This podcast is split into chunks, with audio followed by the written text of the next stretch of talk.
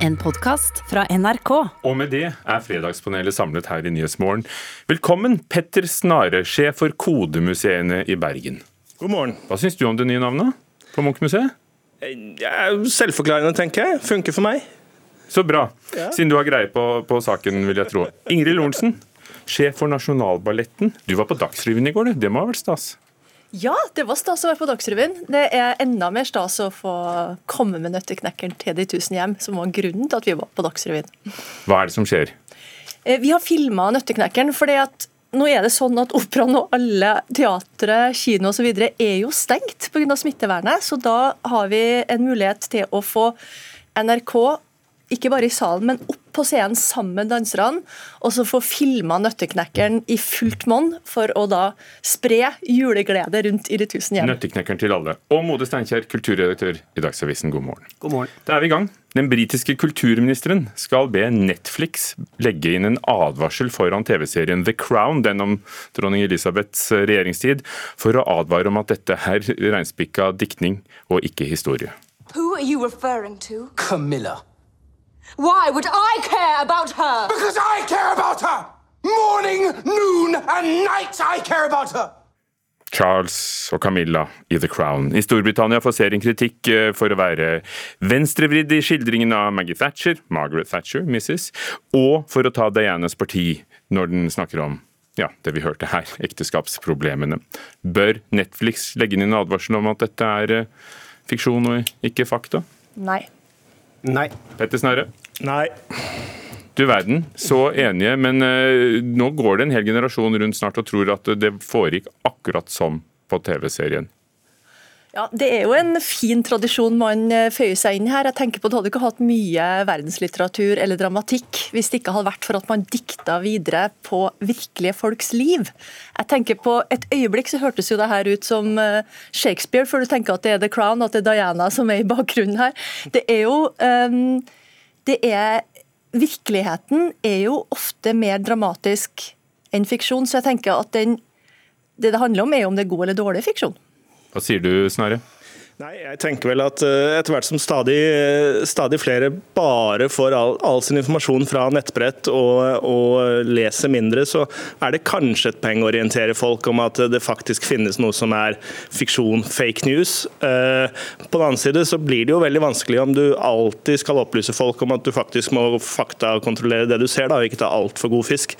Det burde jo være en, eh, være en godt utgangspunkt, tenker jeg. At, eh, at folk må faktisk eh, sjekke ut om det de ser på en skjerm er reelt. Har du like høyt tiltro til publikum, eh? Jeg vil gjerne ha det, i hvert fall. Eh, Det er ikke bestandig jeg har det, men, men eh, intensjonen min er at jeg skal ha den tiltroen, og det tror jeg kanskje man får også. Det man kan håpe på, er jo hvis man da lar være å stemple dette her, eller sensurere det, eller sette merkelapper på det som, som gir det på en måte en helt klar retning, så skaper man en nysgjerrighet som gjør at folk har lyst til å gå inn i historien. Se hva var det egentlig som skjedde, lese seg opp, eh, se dokumentarfilmer, i det hele tatt orientere seg. Det som er vanskelig med akkurat eh, det britiske kongehuset, er jo at det er veldig lite innsyn der. Eh, Og det ligger nært opp i historie, men ingen vet jo hva som er blitt sagt. Og Sånn sett så må man dikte, og jeg er helt enig. Dette hadde kunnet blitt en veldig kjedelig historie hvis man ikke kunne dikta inn akkurat dette her. Så jeg har ikke noe problem med det, men da setter jeg merkelapp på det. Det er helt, helt bak mål. Og det er jo, er jo også sånn Hvis det skal være politisk retningsbestemt hvilken merkeslapp du skal få det fordi at noen i regjeringen bestemmer seg for at de syns noe er for venstrevridd eller høyrevridd og dermed vil ha det merket, så tenker jeg at vi, vi, har presse, vi har noen etiske utfordringer foran oss i tiden fremover. Eh, Vi spurte her i NRK om Abid Raja kunne tenke seg å be Netflix om det samme som fra norsk hold, da. Eh, Men det ville han ikke, så, så han er på, på, på deres eh, lag. Men én ting er Diana, der er det 1000 dokumentarer å velge mellom, i hvert fall ganske mange. Men, men det er ikke så mange om prinsesse Märtha og hva hun hadde å si for krigen, da. Det er jo problematisk hvis man utgir seg for å være en dokumentarisk fremstilling, at det faktisk er fri dikting. Det syns jeg jo er eh, ja. Mode Steinkjer, du kjenner jo dette fra filmens verden. Det er ikke første gang historiske filmer får denne typen kritikk.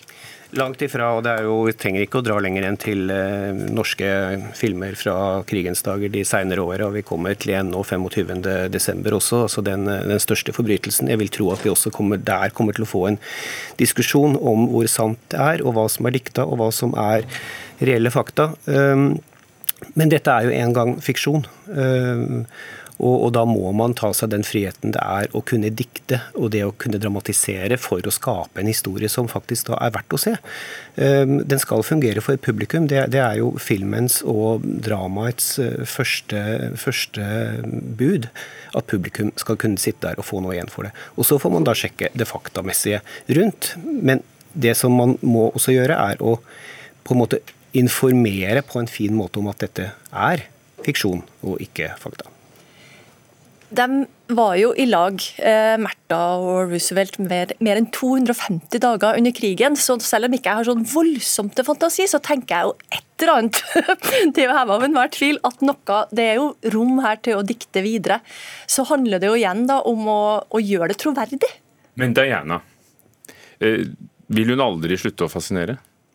Jeg må innrømme at jeg har scrolla ned noen sånne Diana-dokumentarer fortsatt, så jeg husker godt det øyeblikket at Diana var udødelig. Og det, og det, var veldig, veldig et sjokk for meg som ung kvinne at Diana var død. Og det er det fortsatt. Og Nå kommer det en film til, som Kristin Stewart, amerikanske Kristin Stewart, hvor hun skal spille Diana. Jeg vil tro at denne debatten her aldri kommer til å gi seg, men eh, den er veldig fascinerende. Vi trenger disse ikonene.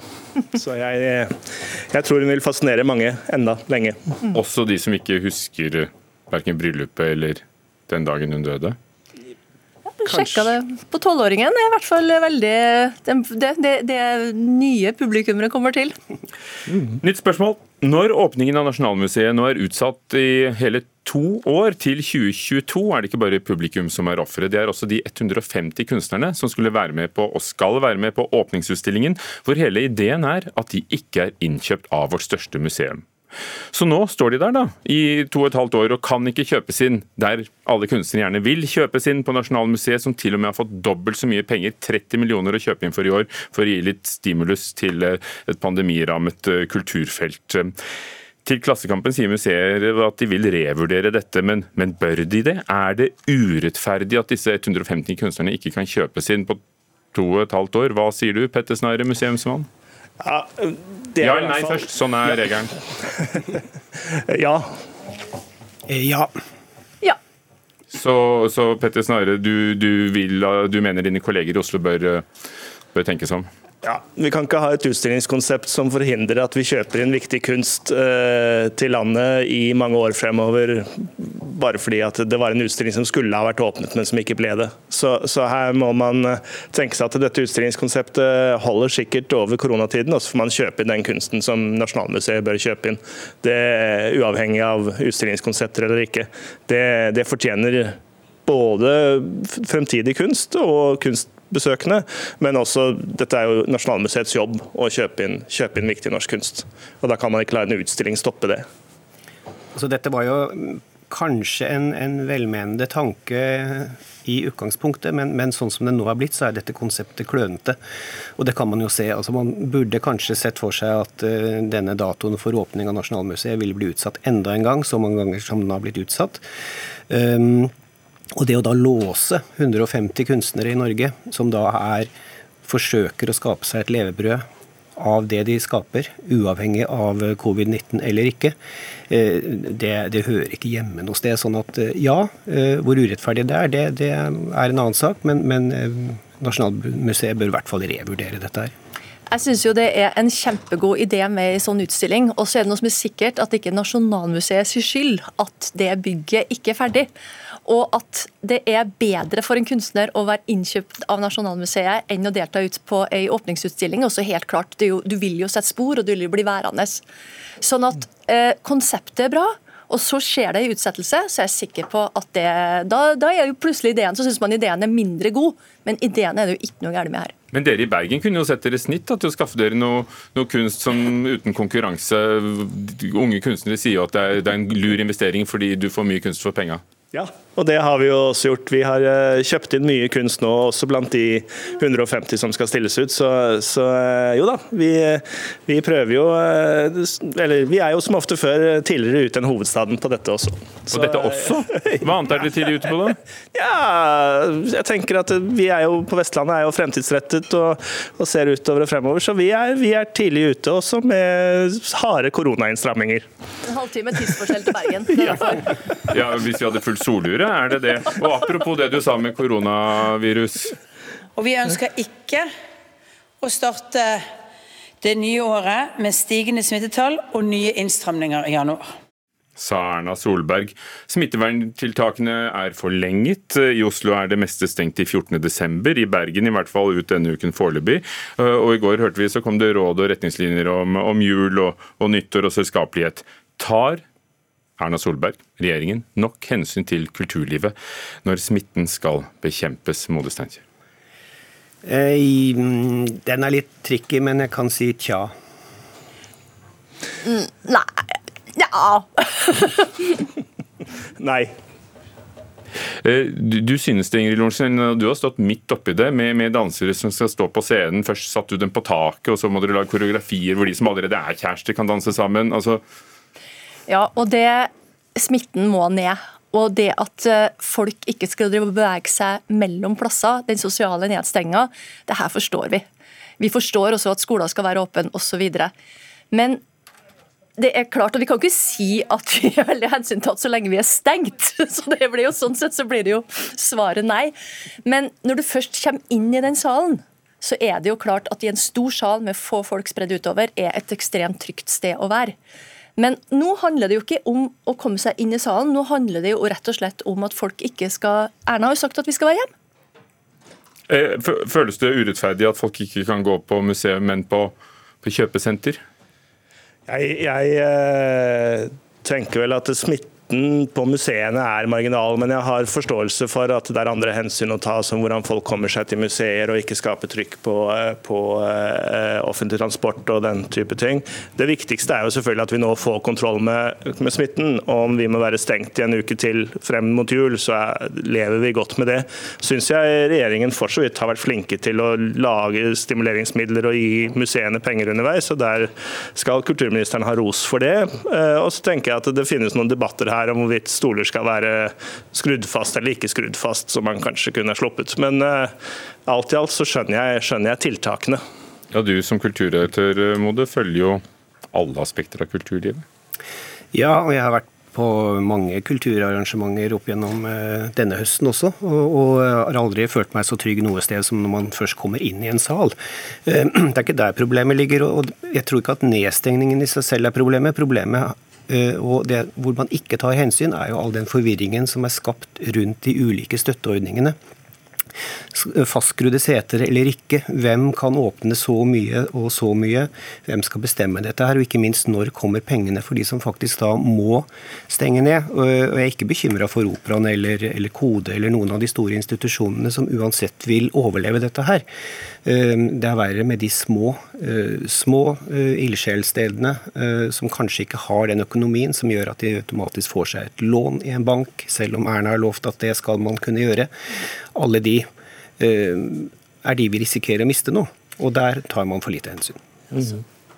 Mennesker lever jo ikke av brus og snus alene, eh, selv om det er gjort noen kraftige grep for å hjelpe oss med akkurat den biten. Så det er jeg kan ikke få understreka noe, selv om det går bra med oss og vi får strømmer og vi skal være ute i tusen hjem, men det er et helt miljø, det er et helt felt. Og det å kunne være til stede etter hvert, tror jeg at kunst- og kulturlivet har en funksjon i denne pandemien. Det er jeg så sikker på. Jeg har fått skikkelig trua på det vi driver med. Siste ord til deg i Bergen.